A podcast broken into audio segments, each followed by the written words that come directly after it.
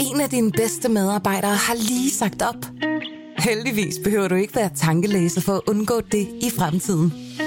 WinningTemp indsamler data gennem hyppige og anonyme medarbejderundersøgelser, så du lettere kan mærke pulsen på dine medarbejdere og støtte der, hvor der er behov. Kunder som Alfa Laval, Orkla og Volvo bruger allerede WinningTemp og ser, at det øger trivsel, reducerer turnover og hjælper med at fastholde talenter. Få gratis gennemgang allerede i dag på winningtemp.com.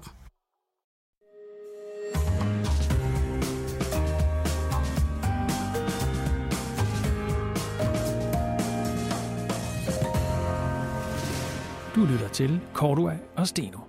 En berlingske podcast med Jarl Cordua og Torben Steno.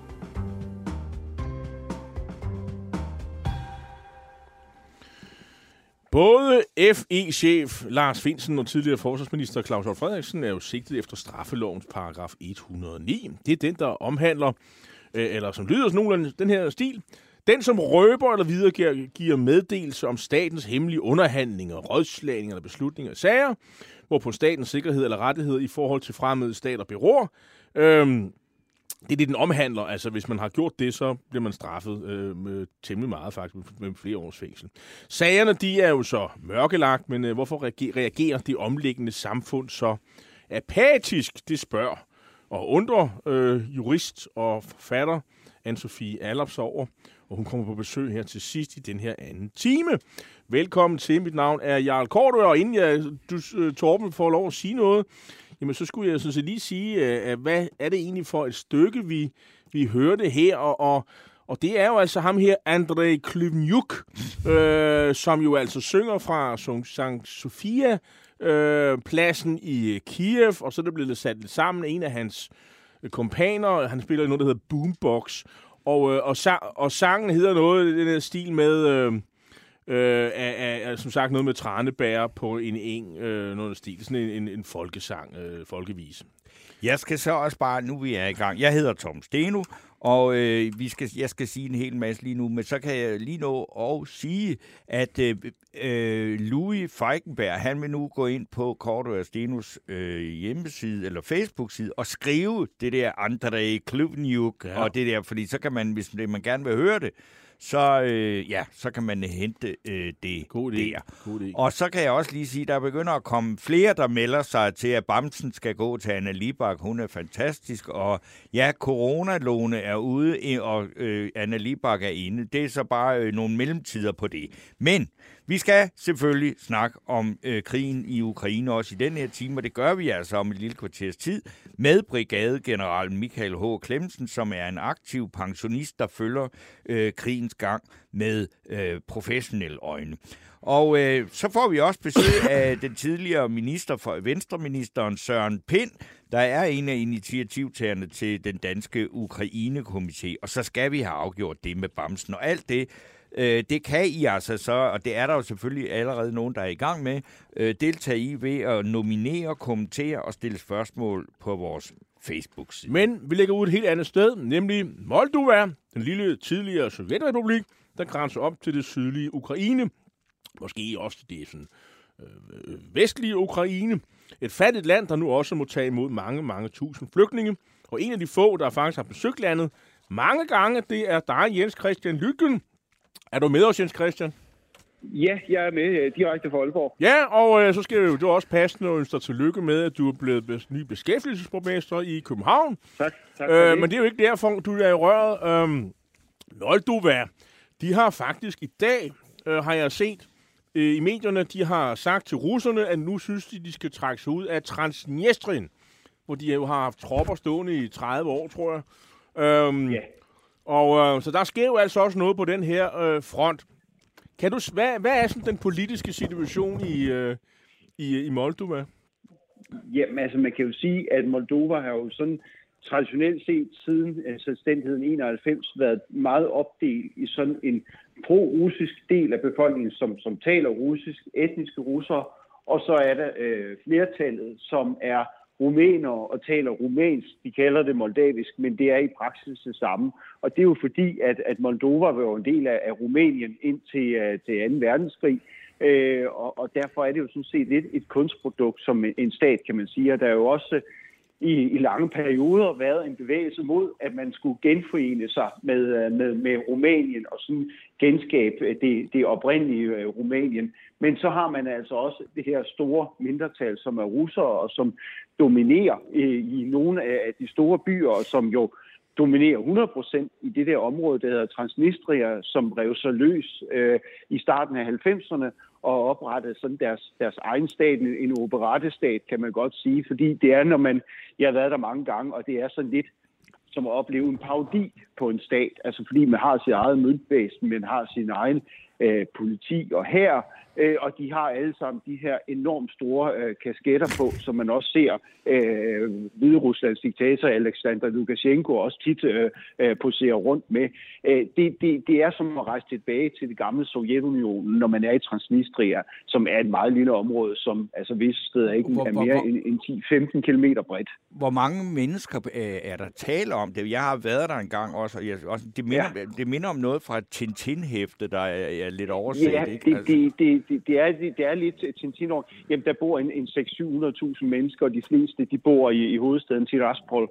Øh, og så er der så de her 3.000 soldater, som russerne øh, insisterer på er, er, er fredsbevarende soldater, men det er også dem, der er garantien for, at, at Transnistria kan fungere som sådan en, en de facto stat. Det er, at der er den her russiske, øh, altså en øh, øh russiske militær til, til stedeværelse i Transnistria. Er det, Fordi det... ellers så ville, ville der ikke være en, en, en de facto uafhængig republik inden for øh, grænserne af Moldova. Men jeg ved ikke, om det er stadigvæk, men altså, øh, på et tidspunkt, der kaldte Transnistria øh, for sig selv, for i, altså det var en sovjetrepublik i den Sovjetunion, der allerede på det tidspunkt, hvor de rev sig løs, ikke fandtes mere. Ja, præcis. Og det er jo fordi, det, deres øh, oprindeligt var Transnistria jo sådan set sådan en, en, en selvstyrende øh, region eller selvstyrende oblast inden for øh, for Sovjetrepubliken Moldova. Altså, det er jo sådan set det, de har hængt deres hat på i forhold til, at, at det er en videreførelse af det, og så også, at det nærmest er 100% russere, øh, der bor der i, i, i det område der. Man vil sige, det er jo sådan en, en meget lavintens konflikt. Altså, der har ikke været løsnet nogen skud, skud i 30 år mellem de to dele der, og når man kører frem og tilbage mellem de der, øh, med Moldova og så Transnistria, så er der øh, grænseovergang, og man får Øh, altså, de stempler jo alt, hvad de, hvad de kan komme i nærheden af, når man skal krydse grænsen og sådan noget. Men, men det er sådan set meget stille og fredeligt, og folk de kører også og handler med hinanden øh, på, på kryds og tværs, og deres fodboldhold, som er meget vigtige, FC Tiraspol eller FC Serif. Ja, det var dem, der vandt over Real Madrid.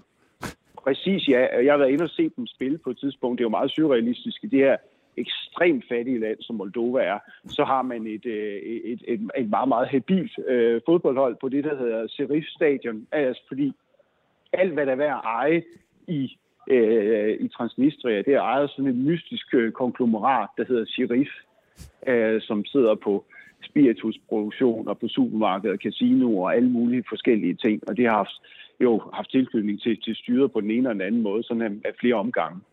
Men nu når de her mange, mange, mange hundredtusind flygtninge fra Ukraine også ender ja. i Moldova, så tænker ja. man så, jamen, øh, hvordan bliver de så modtaget? Altså, fordi man kan sige, de må jo så også komme, altså, øh, øh ind, kommer de også ind i den russisktalende, altså i, i Transnistria? Nej, de, de Går kommer i der? meget høj grad ind i, i Moldova, som set.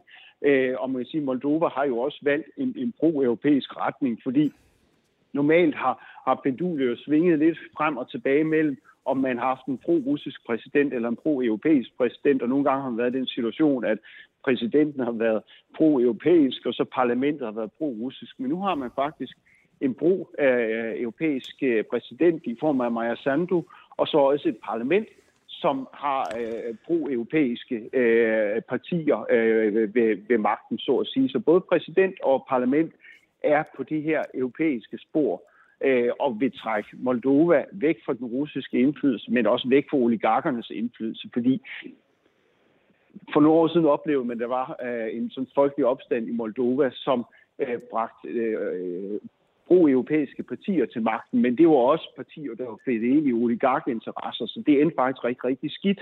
Øh, og nu har man, tror jeg faktisk, egentlig muligheden for for alvor rykke Moldova tættere på, øh, på, på Europa. Altså, de har også indsendt en, en ansøgning om, om EU-medlemskab, og der er mange mange øh, i Moldova, som er EU-borgere, fordi jo Rumænien har været meget, meget rundholdet med at dele rumænske pas ud i en periode. En vilde nemmeste måde for Moldova for at komme tættere på EU og endda også NATO, ikke? Vil, vil simpelthen bare nedlægge sig selv og, og søge om optagelse i Rumænien?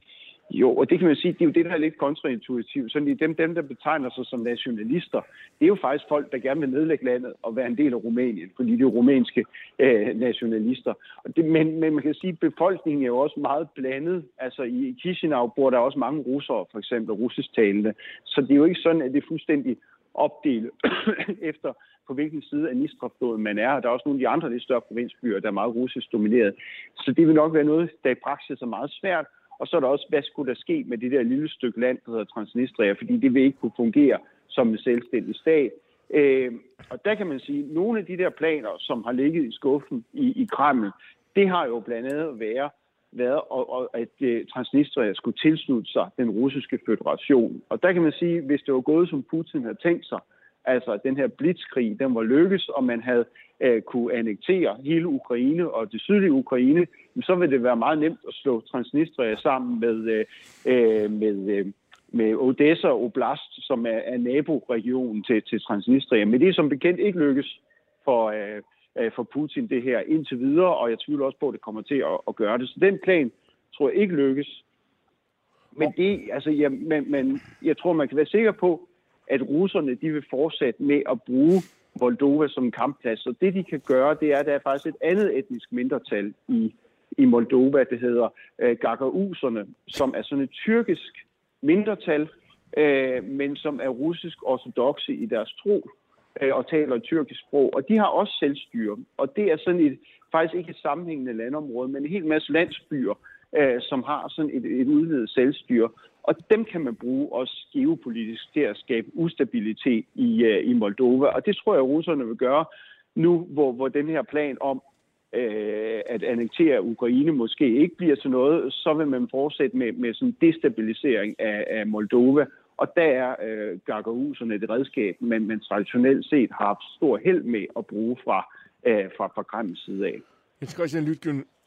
øhm, nu kommer der så, så den her melding fra fra øh, øh, præsidenten i Moldova, øh, ja. Maja Sandu, øh, om at, ja. øh, at man skal simpelthen fjerne øh, de russiske øh, tropper, de skal simpelthen trækkes tilbage, tilbage og det skal ske ja. hurtigt nu.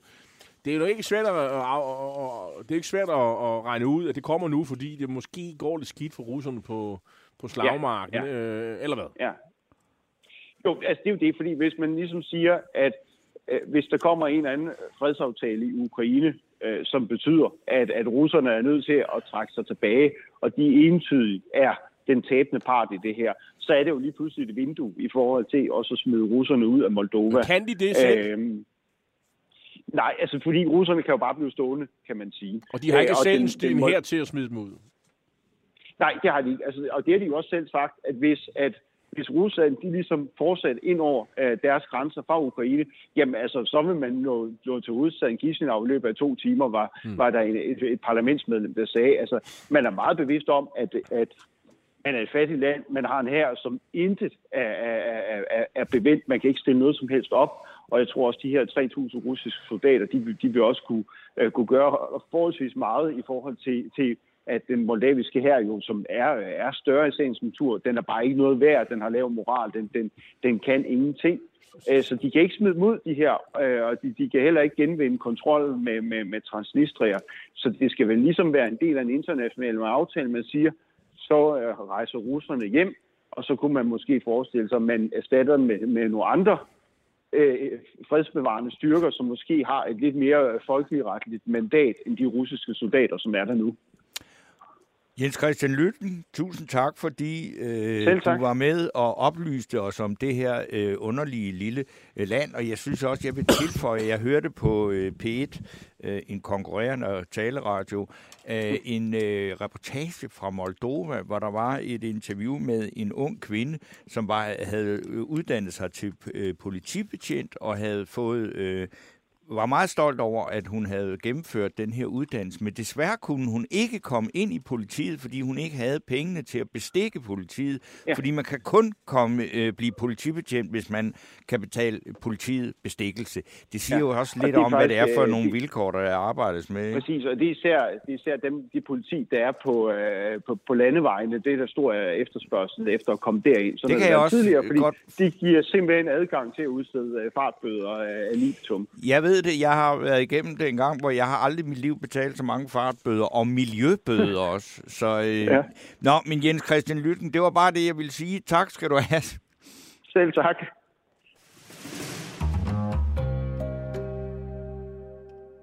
Ja, så skal vi øh, nærmere ind på, hvad der foregår og har foregået på slagmarken i Ukraine, hvor hvor alle militære eksperter, de jo øh, har bemærket, at, at øh, hvor, hvor ringe de russiske invasionsstyrker egentlig har klaret sig.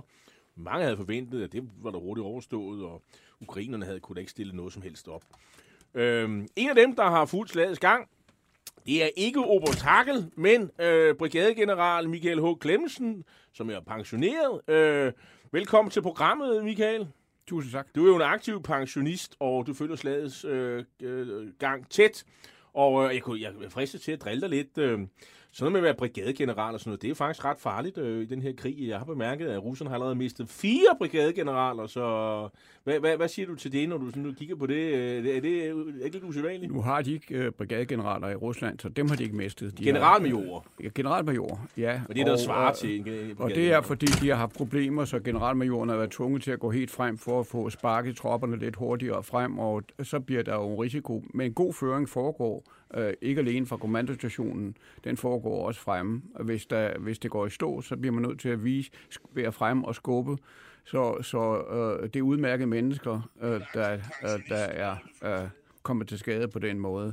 Men jeg er lidt anderledes i øvrigt end, end mange af de andre, der udtaler sig, for jeg er jo ligesom, hvad vil jeg sige, en øh, gammel balletanmelder, der pludselig oplever, at øh, øh, hvor jeg troede, jeg skulle anmelde en øh, Bournonville-billet, så er det amatører i træskobalt, ikke? og det er, ikke, det er ikke helt det samme. Nej. Hvad, hvad er det nu? er du også simpelthen blevet overrasket over, hvor, hvor, hvor talentløse eller amatøragtige russerne er? Uh, ja, og, og, ja, altså, jeg har set uh, de øvelser og det, det, man har skrevet og gjort de sidste, uh, de sidste godt 10 år. Og øh, der kan man se, at de havde lavet mere krævende øvelser. Man havde ryddet, øh, lidt ud i, i toppen på de mest korrumperede øh, chefer i Kaliningrad og andre steder. Så jeg troede, de var lidt bedre. Men allerede da, øh, da øh, altså før krigen startede, der kunne jeg se, at det materiel, som øh, man så øh, øh billeder af, øh, af Bellingcat og andre, der kunne man se, at det var øh, materiel, det var typisk kampvognsmateriel fra 80'erne. Og øh, så det var, det var et første varsel om, at det var ikke noget nyt materiel. Har de ikke noget nyere materiel? Ja? Jo, men øh, det nok står tæt ved den røde plads, fordi det er for dyrt at, øh, og, og, øh, at producere, øh, og øh, det er nok det, der er et problem. Det er meget lidt nyt materiel. Det er meget lidt nyt materiel. At der, jeg har hørt, at øh, samlet antal pansrede køretøjer til den russiske her i år det var begrænset til 400, og det var alt. Ikke? Så det er grundlæggende et problem, og derfor har man koncentreret sig, kunne jeg se, om at modificere ældre materiel, typisk kampvognstyper fra slutningen af 70'erne og 80'erne. Men det, skulle vel egentlig også være nok til at klaske Ukraine? Mm. Hvad er det? Ja, det, det, det skulle det også være, men øh, efter, man, øvelsen, efter man er kommet i gang, så har jeg jo set, at det er ikke alene det, der er problemet. Det er hele materiel, så at sige, hele materiellen i den normale her, ikke i øh, de mere privilegerede øh, øh, marineinfanteri fra flåden og fastkampstyrkerne fra flyvåbne. Øh, de, har, de har nyere materiel, men, men selve de normale hærenheder, øh, de har i den grad manglet nyt materiel. Man kan se, at både lastvognene øh, er, er Ja, det ligner noget fra det, den kolde det, krig. Det, ja, det er fra den kolde krig. Det er fra 70'erne og 80'erne, og det samme gælder også de øh, pansrede mandskabsvogne og infanterikampkøretøjer og i øvrigt kampvogn, vi ser. Og det er set på billeder og videoer, det er, at det ikke alene det er ikke bare modificerede kampvogne, det er umodificeret øh, materiel, og, og noget af det er, det er meget blandet. Men, men så, det er jo sådan, at øh, gode generaler, de slås med det, de har. og ikke hvad de, hvad de har, og ikke hvad de kan sådan, øh, få på ønskesedlen. Øh, så øh, der var heller ikke rigtig nogen øh, god føring. Det er vel også et af problemet her. Grundlæggende har man, altså allerede før krigen startede, der undrede jeg mig over, at man lå enhederne rådne. Når de ligger øh, i vinteren i telte uden intensiv uddannelse, kampuddannelse, så rådner en enhed. Det kunne, de for, det kunne folk ikke forstå, øh, at både materiellet ikke kan tåle at stå på marken, og soldaterne ikke kan, øh, kan holde formen i live, hvis de ikke bliver... De, ikke bliver, de er bare, bare ude at skyde lidt med deres våben, kunne man se rundt omkring, og så deltog de i den der øh, paradeøvelse i øh, Hvide Rusland, altså i Belarus, men derudover så man ikke noget. Og, og det er, når man skal i krig, men alright, så var man også tvunget til at fortælle soldaterne, at de skulle i krig, fordi de skulle motivere til at forberede sig. Men det man ser, det er, at det, man har alt for lidt infanteri, det er for dårligt uddannet, og som jeg siger, alle de ting, der kan gå galt, når jeg ser på, på videoerne, det går galt. Altså, efter to måneder, der kunne jeg uddanne hjemmeværnsfolk eller kon- rekrutter til at optræde mere feltmæssigt korrekt end de her. Hvad er det, de gør forkert, sådan helt, når du siger, at du kunne på to måneder få en hjemmeværnsrekrut til at, at agere altså, bedre? Hvad er det, de ikke kan? Grund, er grundlæggende, der er, når man skal ind i lukket område, og der er jo levende hegn, og der er mindre bebyggelser, og der er byer, der øh, kan køre kampvogne ikke alene. Det er et hold, der skal være meget, meget, meget tæt samarbejdet. Og infanteristerne, de skal være bevæbnet og være i stand til at, hjælpe kampvognene frem, således at kampvognene ikke er alene, så de støtter hinanden. Og det skal tæt koordineres med anvendelse af, af artilleri, der er i stilling. Ingen af de ting sker. Det er simpelthen, øh, når der bliver lavet et ildoverfald, i stedet for, som man skal altid i sådan en situation, dreje op mod vildt skydende, direkte op mod der, for man bliver skudt, der kører de ud på en åben mark, så jeg forleden dag. Jamen, hvordan det, kan det, det være, at de det, er det, så det, dumme? Altså, det, det, det, er, det, det, det er altså, direkte dumt. Det er dumt, og, det, og, og de er altså... Føringen er ringe, også på grund af, at den er centraliseret. Russerne har noget, der svarer til New Public Management. Alt bliver standardiseret og, og, og, og centraliseret, og det vil sige, at man fjerner enhver form for initiativ fra den lave, fra den lave men, føring. Men så lad os så kigge på ukrainerne. Er du sådan lidt mere imponeret af dem, eller hvad? Nej, øh, altså, man så allerede forbedringen af den ukrainske øh, føring i 2014. I begyndelsen, der øh, var det dårligt organiseret altså og motiveret, og ja, altså i, ja. i, i Øst-Ukraine. Efter forholdsvis kort tid, der begyndte ukrainerne at vende frem, og det var der, hvor den russiske her gik direkte ind og bankede ukrainerne. Det lærte ukrainerne af, og det her er jo et, en, en, et genspil af den finske vinterkrig på en hver mm. måde, hvor en overlegen sovjetisk modstander øh, en russisk modstander får tæsk på grund af højt motiverede og veluddannede soldater. Og det er det her med, de bruger multitek-taktikken og, og, og, og fjerner hvad hedder det, forsyningslinjerne og angriber dem der og sådan noget. Ja, og det er jo også her, øh, det er jo på samme måde, fordi øh, på grund af, at man har de der gamle kamp lastvogne, så kan man ikke forsyne, øh, øh, så kører man frem af landvejene. Og øh, forsyningskøretøjerne, de er udsat for baghold, både fra droner, de tyrkiske droner, men også fra de hjemlavede ukrainske droner. Og, og øh, det vil sige, at de bliver, de bliver nedslidt og, og nedkæmpet på grund af, at de er vejbundne. Og det, det øh, fuldstændig ligesom øh, Sovjetunionens styrker var øh, i, i, øh, under vinterkrigen, hvor øvrigt den division, Sovjetdivision, der fik flest tæsk, det var en division fra Kiev i øvrigt en elite-division. For det, det vil sige, hvad er så konklusionen på alt det her? Det betyder, at vi kan sådan set tage det stille og roligt, fordi uh, det, det russiske her er dårligt ledet, elendigt materiel. Det er slet, det, det er slet ikke så frugtindgydende, som vi skulle Ja, hvis vi ikke var ringere, Altså, men vi har jo nedbygget vores... Altså, og nu de havde jo, de havde ja, altså, men tyskerne er i endnu værre situation. Altså, europæen de er i den grad nedbygget øh, deres styrker. Vores er også rådnet gennem New mm. Public Management, ud, udsourcing af vores logistik og alle mulige andre tåbeligheder, som har været politisk modtænkning. Men i virkeligheden, det kræver mange, mange, mange øh, øh år. Trods alt er russerne, de var, de var ikke fremmede for, at de skulle i krig. De er trods alt været uddannet. Det har vi ikke været. Vi har været ude til og lave lidt fredsbevarende operationer, lidt øh, statsbygning i Afghanistan og andre steder. Der er vi så trukket hjem fra, fordi det, kan, det kunne man ikke holde til. Men det er jo ikke alene hæren. flyvåbnet, som vi troede var blevet meget bedre i Syrien, det viser sig, at de ikke kan gennemføre koordinerede operationer. Det eneste, der stadigvæk virker, det er, det er artilleriet, som altid har været godt øh, eliteenhed i den russiske her, fordi der skal jo ikke, der skal man bare producere ved at putte granater ind i et rør, ikke? Det kan Mi- godt... Okay, men, men Michael Glemsen, altså det, som man så skal sidde og glæde sig over nu, men hvis man sidder og lytter til dig nu, så synes jeg, at det skal nok gå. Det der, det klarer Ukrainer, selvom de er numerisk underliggende, og de stort set øh, og også mangler våben, men dem de har, dem bruger de godt øh, og deres skulderborgende missiler og så. Så det her, det er den eneste grund til, at man overhovedet skal være bange for Rusland, det er fordi, de har atomvåben. Ja, og på grund af, at de stadigvæk har viljen til at optrappe. Ikke? Men altså, jeg, altså, ukrainerne havde langt, langt stærkere forsvar af Nordrig, selv i Nordrig, hvor de var tyndt besat, end vi har med alle styrker i Baltikum. Så vi har, vi, man har simpelthen det problem, at vi har i Baltikum, hvor, hvor jeg har prøvet at føre de, de erfaringer, som jeg har set ud af den her krig, give videre til balterne, for at sige, at det, det er ikke umuligt at løse opgaven i NATO nu.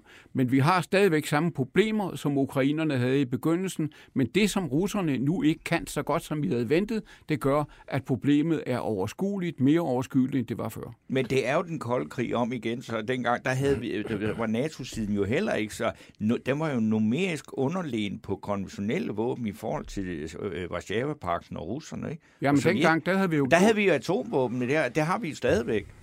Nej, fordi vi i mange, mange, mange år, der gjorde man det, at man lavede mellemniveau atomvåben. Du kan huske i 80'erne, ikke? hvor man opstillede våben i Europa. Alle de her våben er blevet skrottet siden, Ja. dels under aftaler. Og russerne, da de begyndte for 10 år siden at genopbygge ikke alene øh, disse våben, men også kemiske våben, der fulgte vi andre ikke med. Og amerikanerne har Jo, skrottet men, men vi har, altså, jorden har stadigvæk altså fem Ja, gange, masser, vi kan sagtens udstille os skal- selv 20-30 gange. Ja, ikke? men hvad skal vi gøre? Hvis der kun bliver knaldet et, et, et lille kernvåben, skal vi så begå kollektiv selvmord? Det er- problemet problemet er, anbefale. nemlig, er nemlig, at i gamle dage, og det diskuterede man gennem hele den kolde krig, hvordan skal vi klare mindre udfordringer mm. med kernvåben? Og det har, vi, det har vi afskaffet selv, og det har russerne ikke afskaffet, og derfor har vi altså et problem.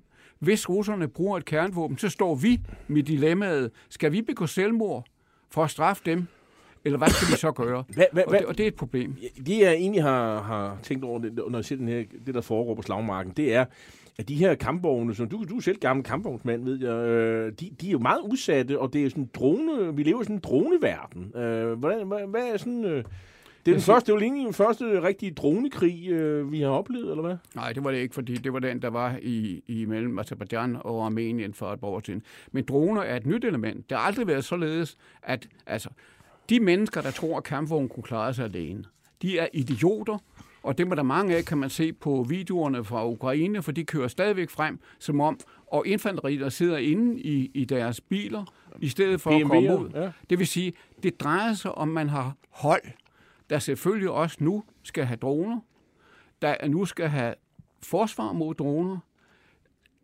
Det har vi selvfølgelig ikke noget af i Danmark. Nej, naturligvis ikke. Naturligvis ikke. Men det er grundlæggende, det er et hold. For hvad skal man gøre, når nu nogen har taget en lufthavn, som var ved at ske i begyndelsen af krigen? Jo, der har man faktisk brug for små hold med kampvogne, der kan, der kan rykke ind og tage tilbage. Man kan ikke uden kampvogne lave, lave modstød, men man skal ikke lave, regne med store offensiver, men man skal blive nødt til at have nogle kampvogne i disse hold, for at kunne løse opgaven. Så du er stadig på det hold og siger, at kampvogn, det skal vi have, men vi skal også have nogle droner. Det, det, det er læren for det. Nej, men grundlæggende, at, at vi skulle have haft droner for længe siden. Øh, øh, men vi, vi har også haft droner i lang tid, men det var en skandale, øh, da, da, da vi købte vores første droner. Tiden løber, og jeg skal bare et spørgsmål her. Jeg, hvis man kigger på de der tabstal, øh, det kan gøres op på rigtig mange måder, men noget tyder på, at det er sådan noget mellem øh, 10, 15, 20, 25 procent af den russiske her er decimeret efter tre uger. Hvor, hvor længe, øh, hvad, hvad forventer du sådan, øh, der kommer til at ske herfra? Altså det eneste sted, hvor russerne har klaret sig rimelig godt, det er i syd, og det er deres elite-infanterienheder. Øh, Andre steder synes det at være kørt fast, og det kan man også se på videoerne, hvorfor. Men, men øh, altså, i, totalt havde den russiske her 30.000 infanterister, og inklusive specialenhederne. Og de er nu nedslidte. russerne kører, kan man se, frem med, med pansrede køretøj og kampvogne og får tæsk. Så, så øh, det er derfor, de, de, de prøver at ødelægge Ukraine med, med alle mulige artillerivåben og, og luftbombardementer og missiler. Det er fordi, de simpelthen ikke har mulighed. Og de, nu beder de jo 40.000 øh, syre at komme op og hjælpe dem. Det var vi nåede, Michael H. Clemmensen, øh, brigadegeneral, og tak fordi du var med os her i dag. En af dine bedste medarbejdere har lige sagt op. Heldigvis behøver du ikke være tankelæser for at undgå det i fremtiden.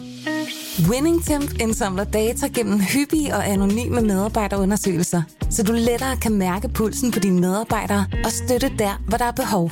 Kunder som Alfa Laval, Orkla og Volvo bruger allerede WinningTemp og ser, at det øger trivsel, reducerer turnover og hjælper med at fastholde talenter. Få gratis gennemgang allerede i dag på winningtemp.com.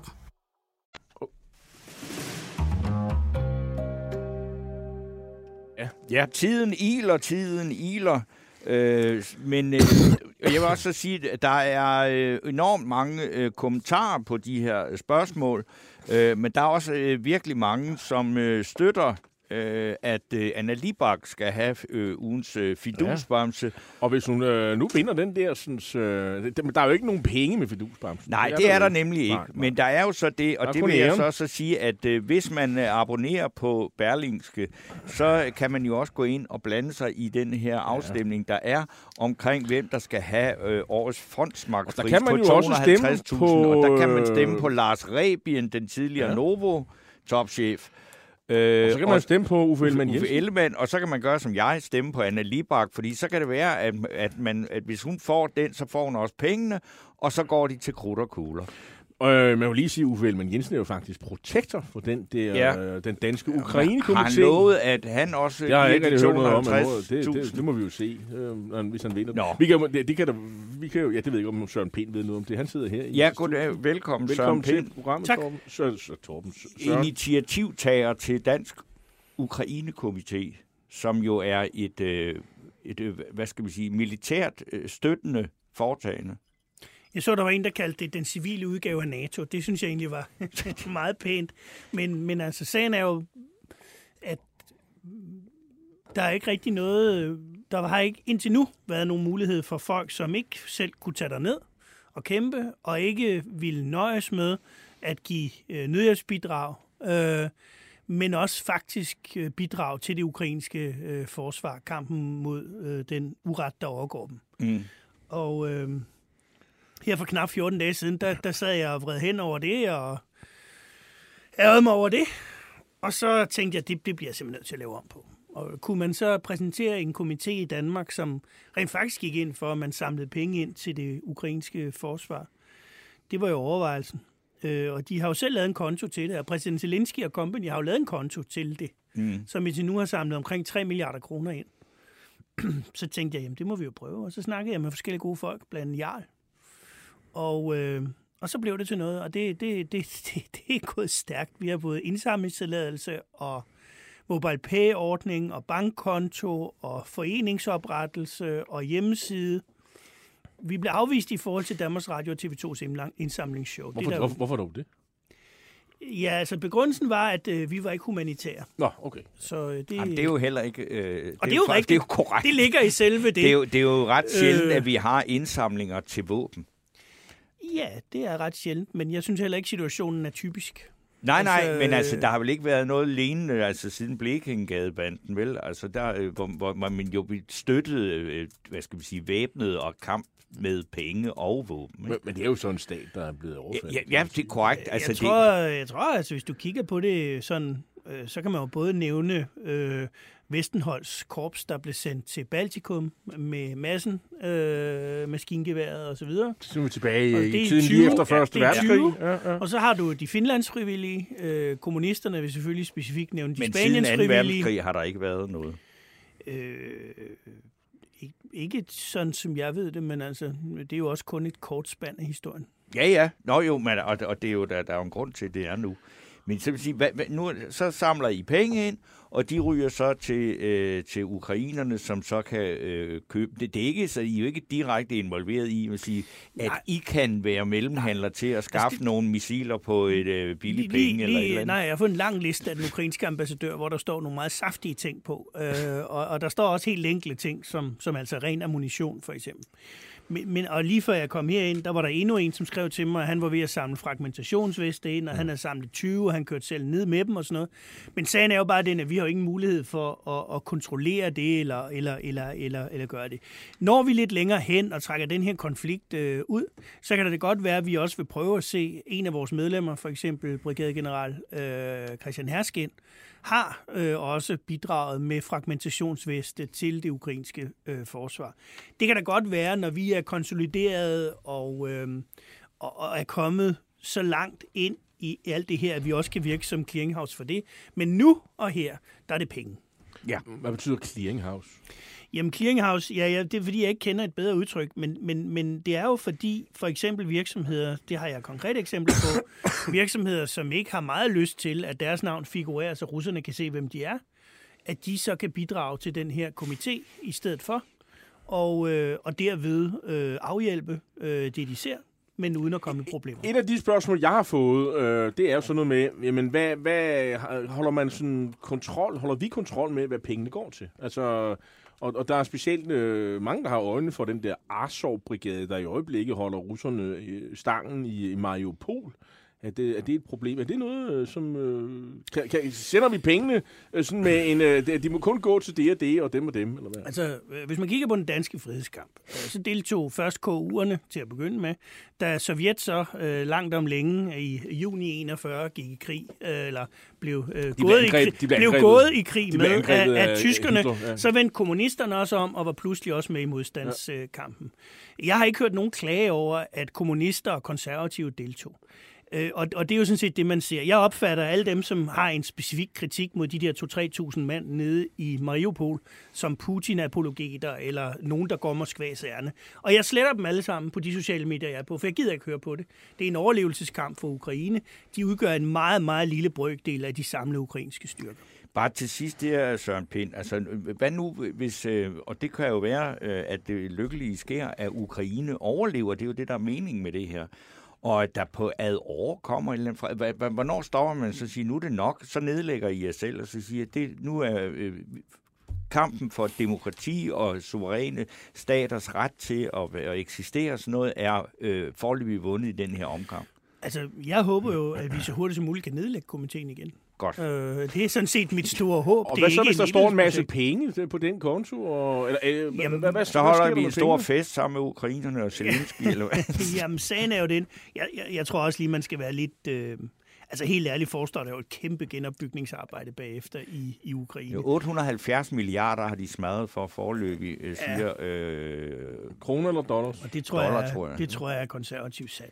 Så vi kommer jo til at lave en eller anden form for Marshallplan. Men det vi har, øh, det, vi har forpligtet os på, det er, at øh, bryder de ukrainske myndigheder sammen, kan de ikke fortsætte, så bruger vi de resterende penge, som jo ikke vil være mange, fordi vi vil løbende udbetale til den her øh, konto i den tyske nationalbank, skabt af den ukrainske.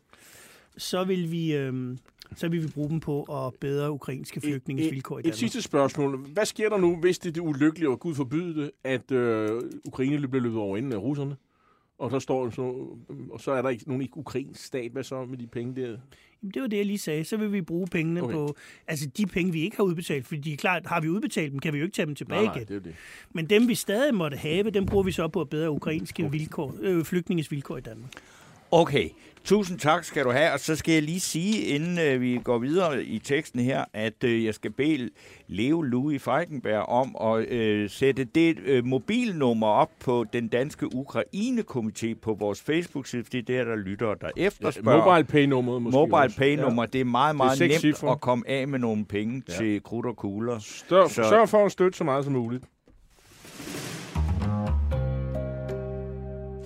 Ja, så har vi fået dagens sidste gæst, Torben. Det har vi, og øh, det er øh, ingen ringer, en jurist og forfatter og øh, menings... Øh, danner, skal vi ikke kalde det sådan, Anne-Sophie Aller. Velkommen. Tidligere kollega på 24. Ja, det og må vi ikke modtager af fidusbamsen. Har du? Ja, jeg det har faktisk ja. hængt den op på væggen Okay. i mit hjemmekontor. Jamen, det er godt. Men altså, vi har ikke inviteret dig, fordi du har fået en det fidusbamse. er en stor skuffelse. Men det har vi, fordi du bliver ved med, som en af de få, at være sådan lidt fastholdende og stedig med at undre dig over, hvorfor vi ikke snart får en forklaring på den her meget besynderlige sag mod øh, FE-chef, spionchef Lars Finsen og tidligere forsvarsminister Claus Hjort Frederiksen. Ja. Og det har vi ikke fået, og nu er det over 14 dage siden, du har øh, bullet løs i Berlingske. Hvad er det? det før. Hvor, hvorfor? Ja. Altså, hvad er din egen forklaring på, hvorfor man bare sådan... Altså, det virker jo næsten som om, den her krig er kommet som en gave til regeringen, fordi så behøver vi ikke at høre om det her hele tiden. Ja, men kriser er jo altid politiske gaver. Altså, jeg vil starte med at sige, at jeg jo ikke ved noget. Ligesom alle jer andre ved jeg jo ikke, hvad der er i den her sag. Jeg ved heller ikke, om der gemmer sig i de her anklager øh, noget med, at man har øh, afleveret oplysninger til russerne eller til kineserne. Det, det, det tror jeg ikke, men man ved det ikke. Fordi det hele er jo omgivet af, af, af tavshed. Øhm, og der har jeg, øhm, altså jeg har tilladt mig at, at snakke om den på trods af det her med rigets sikkerhed, og på trods af alt det her øh, med hemmeligheden.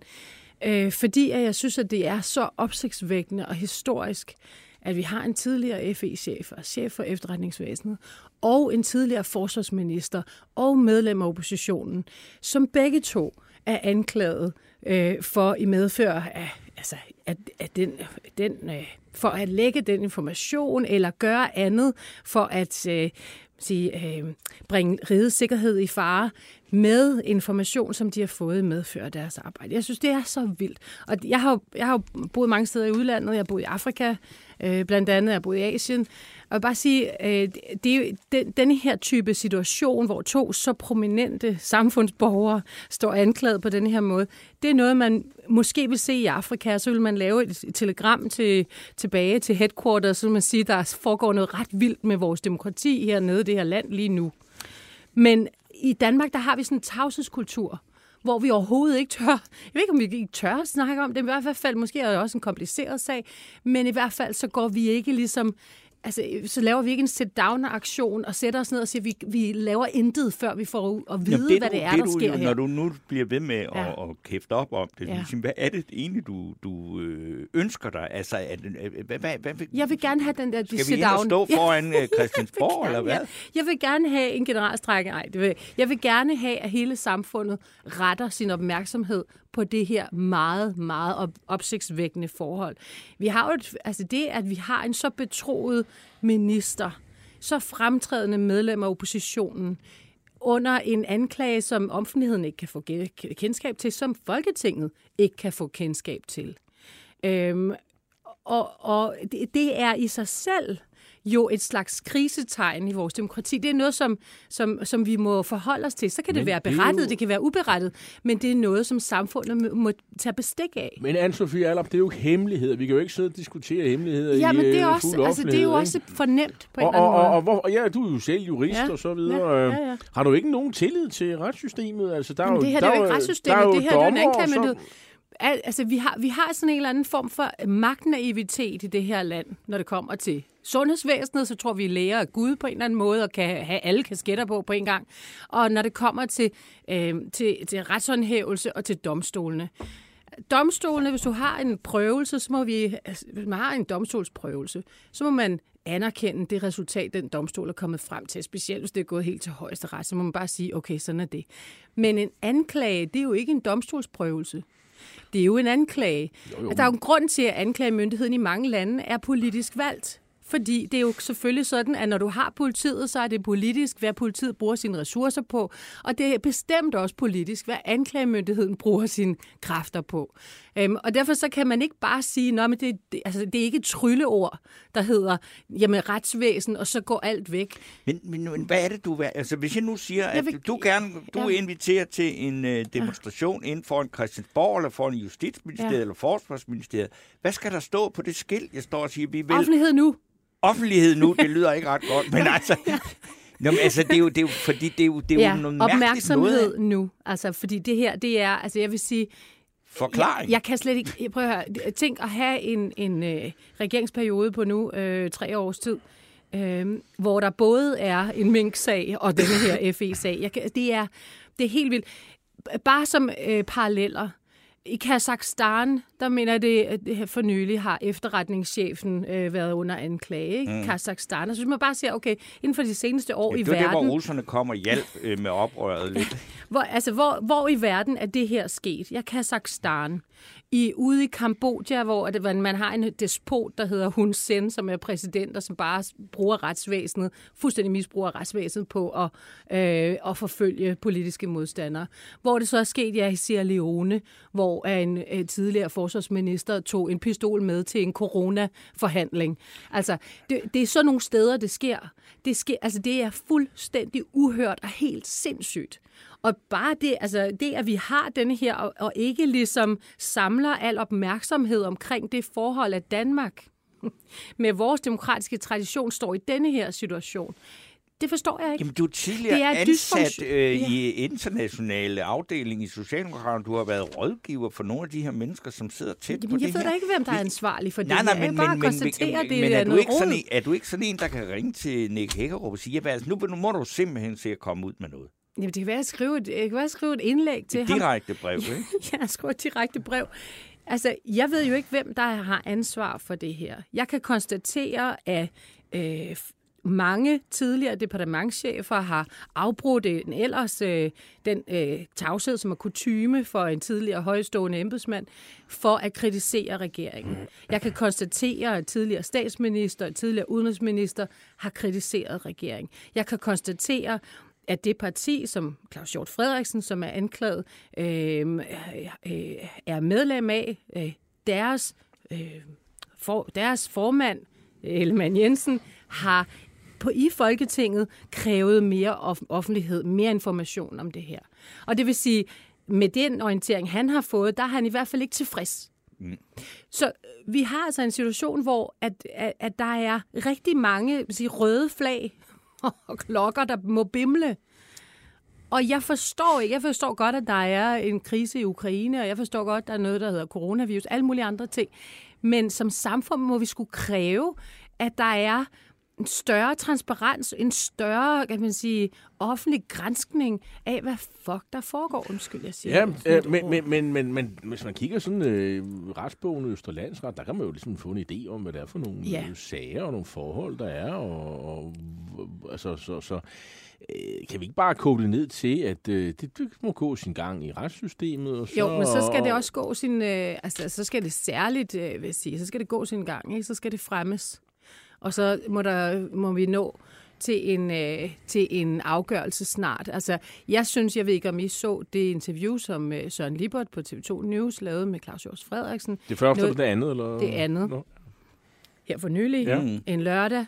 Altså, jeg har ikke set noget så, vil jeg sige, hjerteskærende mm. længe.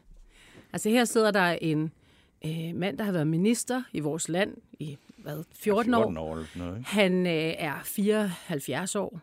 Han er anklaget for noget, der kan give 12 års fængsel for at bruge ytringsfriheden. Og her har vi sådan noget dysfunktionalitet. Mm. For hvad er det, han siger? Jamen, han siger, jeg har sagt noget, som alle godt ved sker.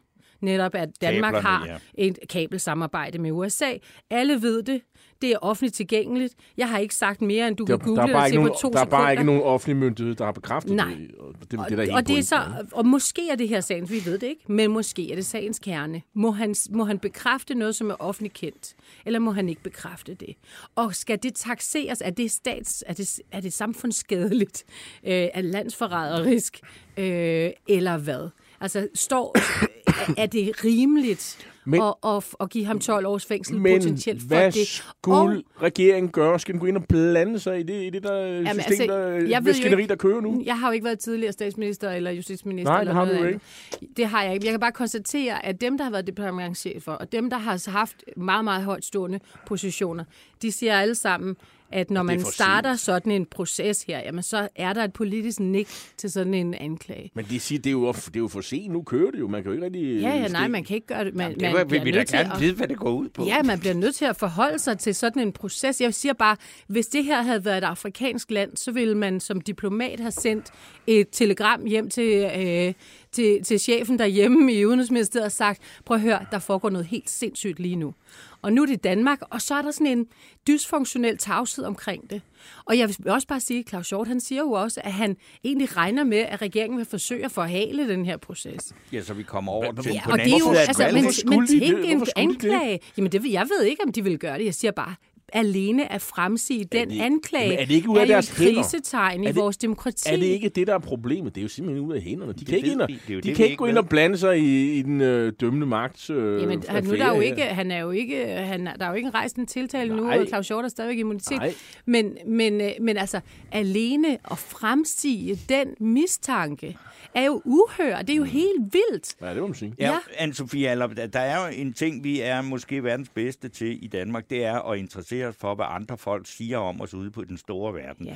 Og du følger jo med Ja. i det her. Ja, ja. Er vi kommet på verdenskortet, sådan ligesom vi altid håber at være med den her sag, man siger, Selvfølgelig, Danmark, vi er været i liga hele med verden. Liberia og Spansktalende verden. shithole countries, som Trump ville have sagt. Ja, i hvert fald så er det jo den historie, der er gået rundt i hele verden. Og den går der stadigvæk, fordi Ja. nu, nu, når det ikke er noget positivt, så interesserer vi os ikke så meget for den, vel? Altså, historien i hele verden er jo nu, at der foregår noget helt vildt i Danmark. Altså, vi har en tidligere forsvarsminister, tidligere FN-chef, ja. som står anklaget for uh, landskadelige virksomheder. Men det er jo sådan noget, der var nogen, der sagde, ja, og det her det kommer til at få konsekvenser for vores øh, forhold Ja, til vores, vores- alliancepartnere, og nu skal vi stemme om klart, Fordi at man tror jo ude i verden, at der er noget på det. Altså, Ja. man tror jo, at det her det er en alvorlig sag, Det som kan kan, jo også give godt 12 års være, at man fængsel. ikke kan stole er på jo- Danmark. Jamen, det er også muligt. Men altså, det er jo i, den, i det lys påfaldende, at Claus Hjort stadigvæk sidder i Udenrigspolitisk nævn og har adgang til alle mulige Ja, fuldstændig er super fortrolige oplysninger. Altså, ude i verden, der, så siger man, Så "Se vil man her, smide to Claus Hjort ud landsforrædere." af... Ja, altså, og, og i Danmark, der sender man ham ind i udvalgslokalet og giver ham en hel masse fortrolige oplysninger. Der er jo et eller andet helt galt. Det er jo mærkeligt. Ja, jamen, og at det er mærkeligt, så langt kan vi godt blive enige. Ja. Øh, men øh, jamen, så vil jeg da også bare sige dig tusind tak for at øh, holde fast i sagen. Ja. Øh, jeg ved ikke, hvordan, hvad vi skal gøre. Om Nej. vi skal ind og stå på øh, Christiansborg med Men, men jeg hvor der har slå spørget står... rundt en ting. Tror du, tror du Anne-Sophie mm. som du har fuldt sagen, og det som alle os andre, øh, tror du, der bliver rejst øh, sigtelse? Ja, sigtelse er der jo. Nej, det er der vel ikke engang. Jo, han er sigtet sagen. han er sigtet, Claus Hjort. Tror du, der bliver rejst tiltale, altså no mod før, at man bliver dømt? Altså, det er sådan, at jeg forstod ham, så ønskede han jo sin immunitet ophævet, således at, han, at der, at den her sag Han kunne kunne fremmes. videre, ikke? Ja, altså, og, og, øh, men jeg forstår godt, at, at Folketinget egentlig tøver, fordi at beskyttelsen af folketingsmedlemmernes immuni, altså at det, at de har immunitet mod retsforfølgelse, det er jo netop for at undgå politisk forfølgelse, og det er jo det, han ligesom Men anklager Tror du, regeringen at han bliver at tiltalt? Ja, nej. Jeg siger nej. Ja, måske. Godt. Hvad så med Finsen? Vil han tiltale? Jamen, han er jo til, han står jo, han, han er jo tiltalt. Ja, Så men er han jo- ikke bare- Seks ud af otte. Undskyld mig, ind, indtil videre er han jo ikke, der er jo ikke rejst. Altså, Han er jo det varetægtsfængslet. Jamen, han er- jamen, han er en- Han er ikke Han er lige blevet han er løsladt efter en fritgående. han er ikke tiltalt lige nu. Det var fordi, øh, vi er stadig under med at opklare Altså, jeg må indrømme, at jeg er usikker på, om man rent faktisk kan så langt vej. Jeg kan ikke huske retsplejeloven nok. Men han er jo anklaget under en række forskellige Østre Øh, tog stilling til, om han skulle være varetægtsfængslet. varetægtsfængslet. Ja, men, men der er jo ikke rejst tiltale endnu. som jeg er bekendt. Nå. ikke? Venter han ikke på en Men nu, det, proces? det, På det, baggrund det af kan den man også, det øh, tror jeg research nok. sig frem til. Ja, det det kan skal man vi ikke gøre ved fælles hjælp. Hvem skal Man have kan fidusbamsen, Torben Steno? Jeg er, har jo sagt, at jeg synes, at det er oplagt at give den til Anna Libak, Ja. som jeg håber på for jeg også en god fondsmagtprisen, så de 250.000 ja. ryger til krudt og kugle. og så kunne den gå til Søren Pens øh, og, og, og Anna Libaks komité, min komité. Øh, Ja. Og tak til de lytter, der har allerede nu har vist ikke, interesse der for, for, for, for, hvad hedder det? Jeg, er jo altså ikke den eneste. Der, er- der er øh, virkelig mange lytter, der har... Jeg Øh, synes, at Anna skal have den, fordi Anna hun jo... Anna Libak, Anna Libak skal Libak, have den, fordi hun også skrev en ret god leder, hvor hun sådan set gav op og sagde, det nytter at støtte øh, Ukraine. Og der er stadigvæk rigtig mange, specielt sådan nogle øh, silkeaber-typer i øh, som følger det her, øh, øh, og, øh, og selvfølgelig professionelle øjne, som siger, at det her, der vinder russerne. Det kan godt være, det tager lang tid, men det vinder russerne. De kan, Ukraine kan slet ikke vinde det her. Og det er jeg ikke så sikker på, at de har ret i. Og heldigvis, øh, øh, så øh, mener øh, Anna det samme. Og, Ja. øh, Og det, hun er en meget vigtig stemme i alt det her, fordi Præcis. Hun er den, der formulerer sig bedst og har Så en vis indsigt i, hvad der foregår i de der lande, hvor de har sådan nogle mærkelige bogstaver. tilslutte mig det forslag. Godt. Så ugens fidusbamse går til Anna Libak, og øh, med det der vil vi så sige tak til Lulu Ros, som øh, var tilbage og passede knapperne, og øh, Leo Louis Feigenberg var øh, i var stik i randdreng og sørgede for vores Facebook-side, og skal også sørge for, at Fedusbamsen nu bliver sendt afsted. Og med det siger vi så... Tak for i dag. Og vi er tilbage igen samtidig sted på næste torsdag 10.05. En af dine bedste medarbejdere har lige sagt op. Heldigvis behøver du ikke være tankelæser for at undgå det i fremtiden. WinningTemp indsamler data gennem hyppige og anonyme medarbejderundersøgelser, så du lettere kan mærke pulsen på dine medarbejdere og støtte der, hvor der er behov. Kunder som Alfa Laval, Orkla og Volvo bruger allerede WinningTemp og ser, at det øger trivsel, reducerer turnover og hjælper med at fastholde talenter. Få gratis gennemgang allerede i dag på winningtemp.com.